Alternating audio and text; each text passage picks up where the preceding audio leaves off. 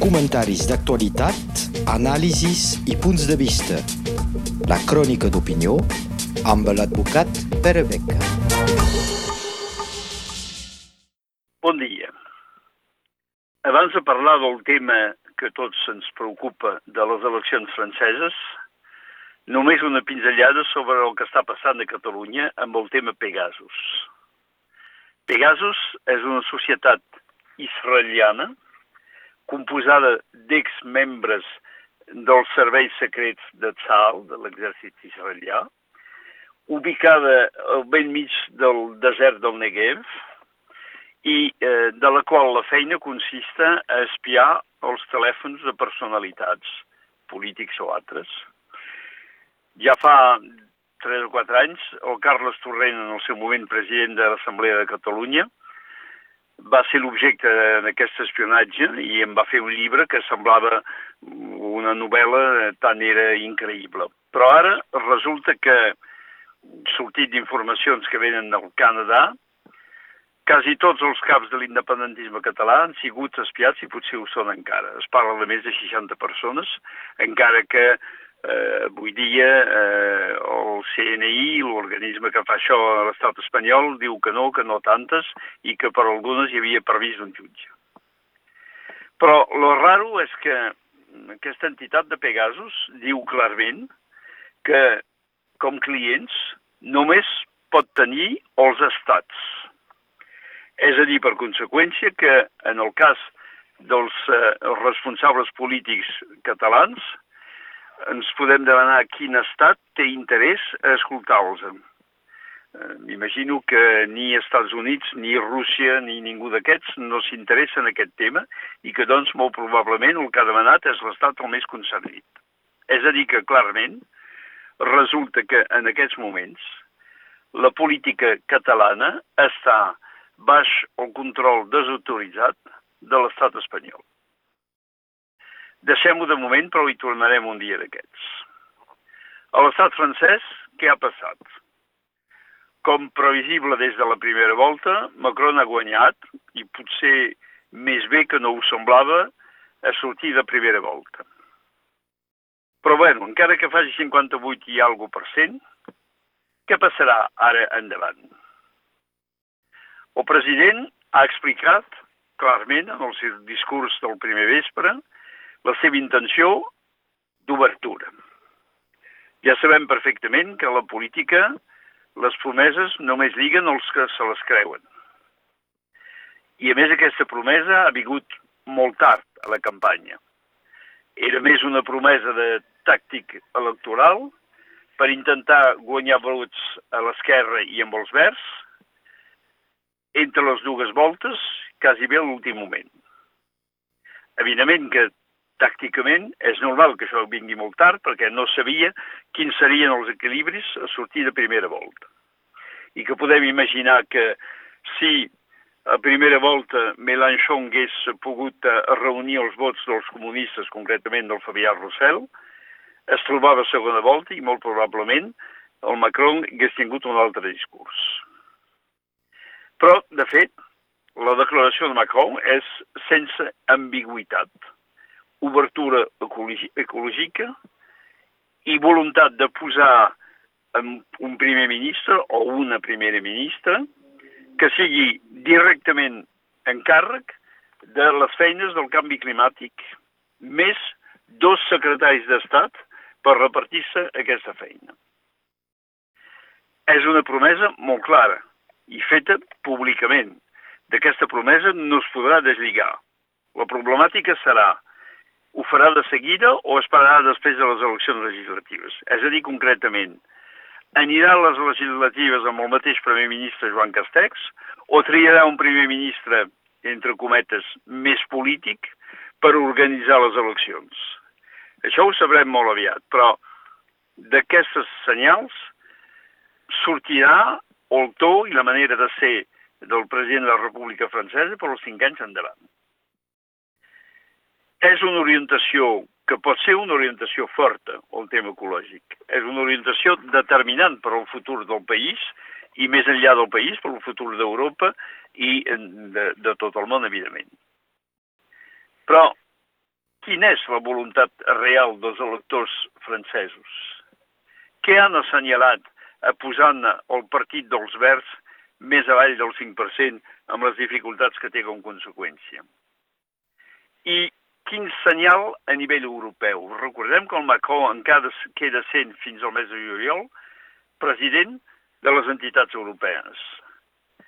És a dir, que si ha d'aprofitar aquesta situació per donar una orientació política de cara a l'ecologia, de cara al medi ambient, ho ha de fer de seguida, no ha d'esperar ni les legislatius, ha de donar senyals immediats, tant com president de la República Francesa que com president d'Europa, i ha d'assenyalar-ho també a través de les obligacions diplomàtiques que està concloent el nom i per compte de l'estat francès i de l'Europa tot, tot entén.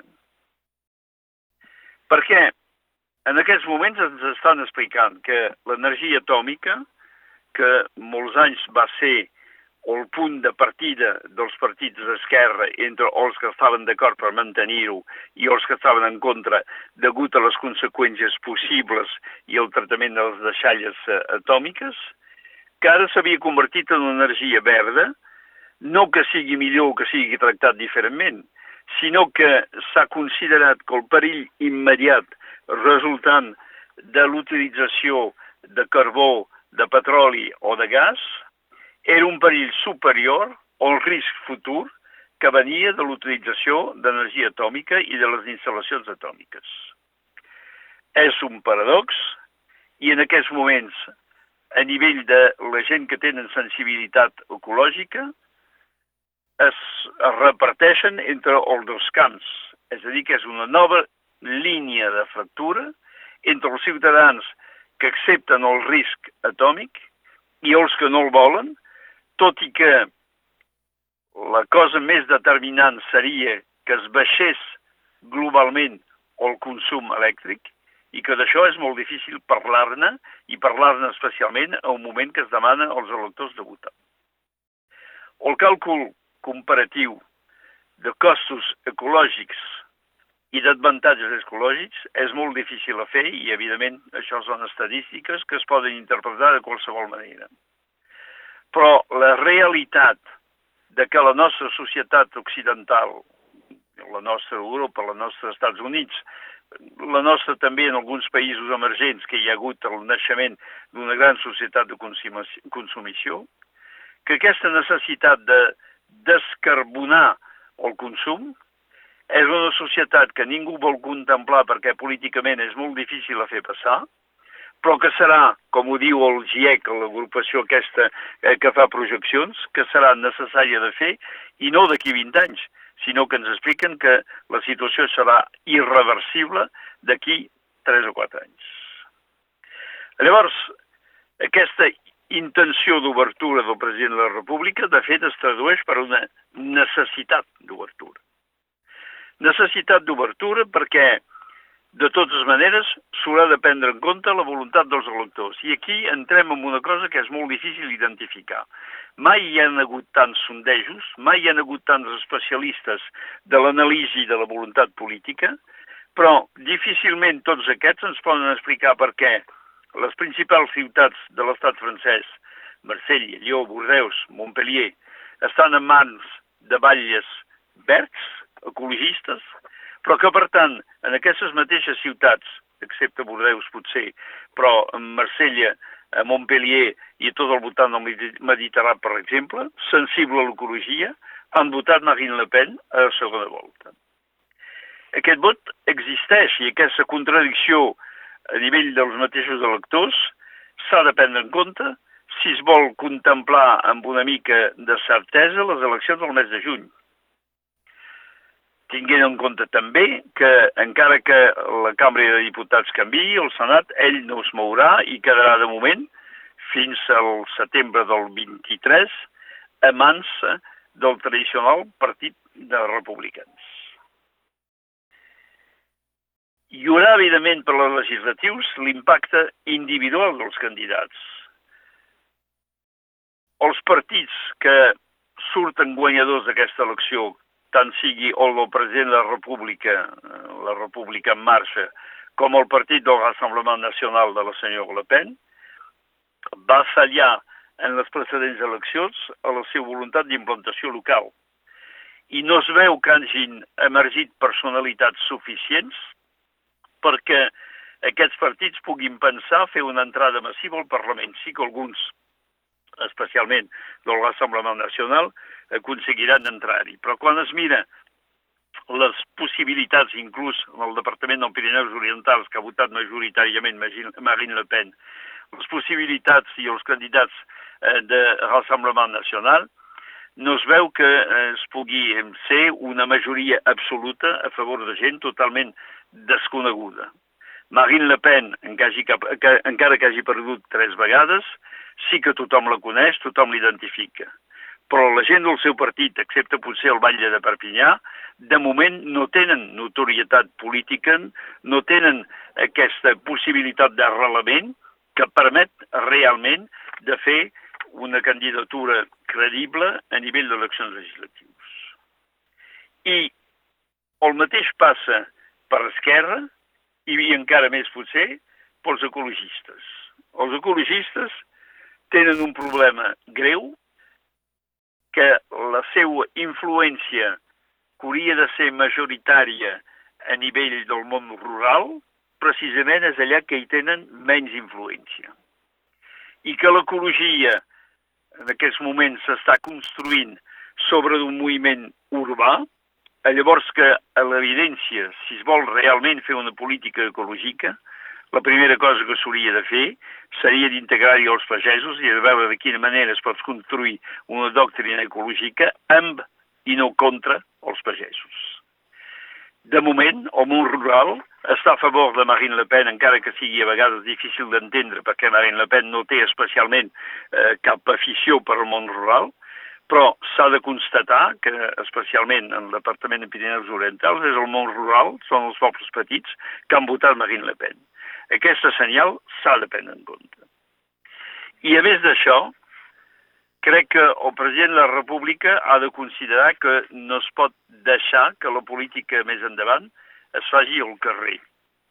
Ja ha conegut l'exemple de les armilles grogues. Les armilles grogues ha sigut un moviment de protesta que no era antiecològic, però era de la gent que deia cuidado que si construïu l'ecologia contra la gent que ho han d'aplicar el dia a dia, sense organitzar les coses que permetin de viure en condicions amb menys consumició d'energia carbonada, doncs si feu això, la gent sortirà al carrer perquè no pot aconseguir-ho.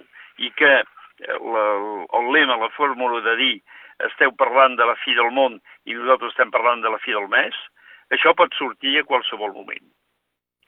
És una discussió greu i és una discussió complexa per la qual es necessitaria de tenir un Parlament tant de l'Assemblea com del Senat que fos en capacitat de tenir aquesta discussió, que la faci real, que la faci possible i que faci que tothom, la gent que té pocs mitjans, la gent que està obligada a agafar el cotxe per anar a treballar, o els pagesos que necessiten una sèrie de coses per permetre de rendibilitzar les seves explotacions, tothom pugui ser considerat en aquest moviment.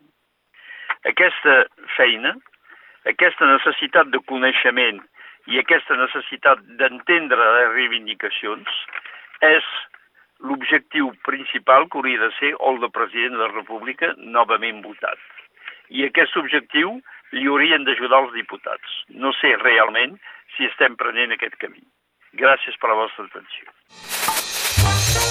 Comentaris d'actualitat, anàlisis i punts de vista. La crònica d'opinió amb l'advocat Pere Beca.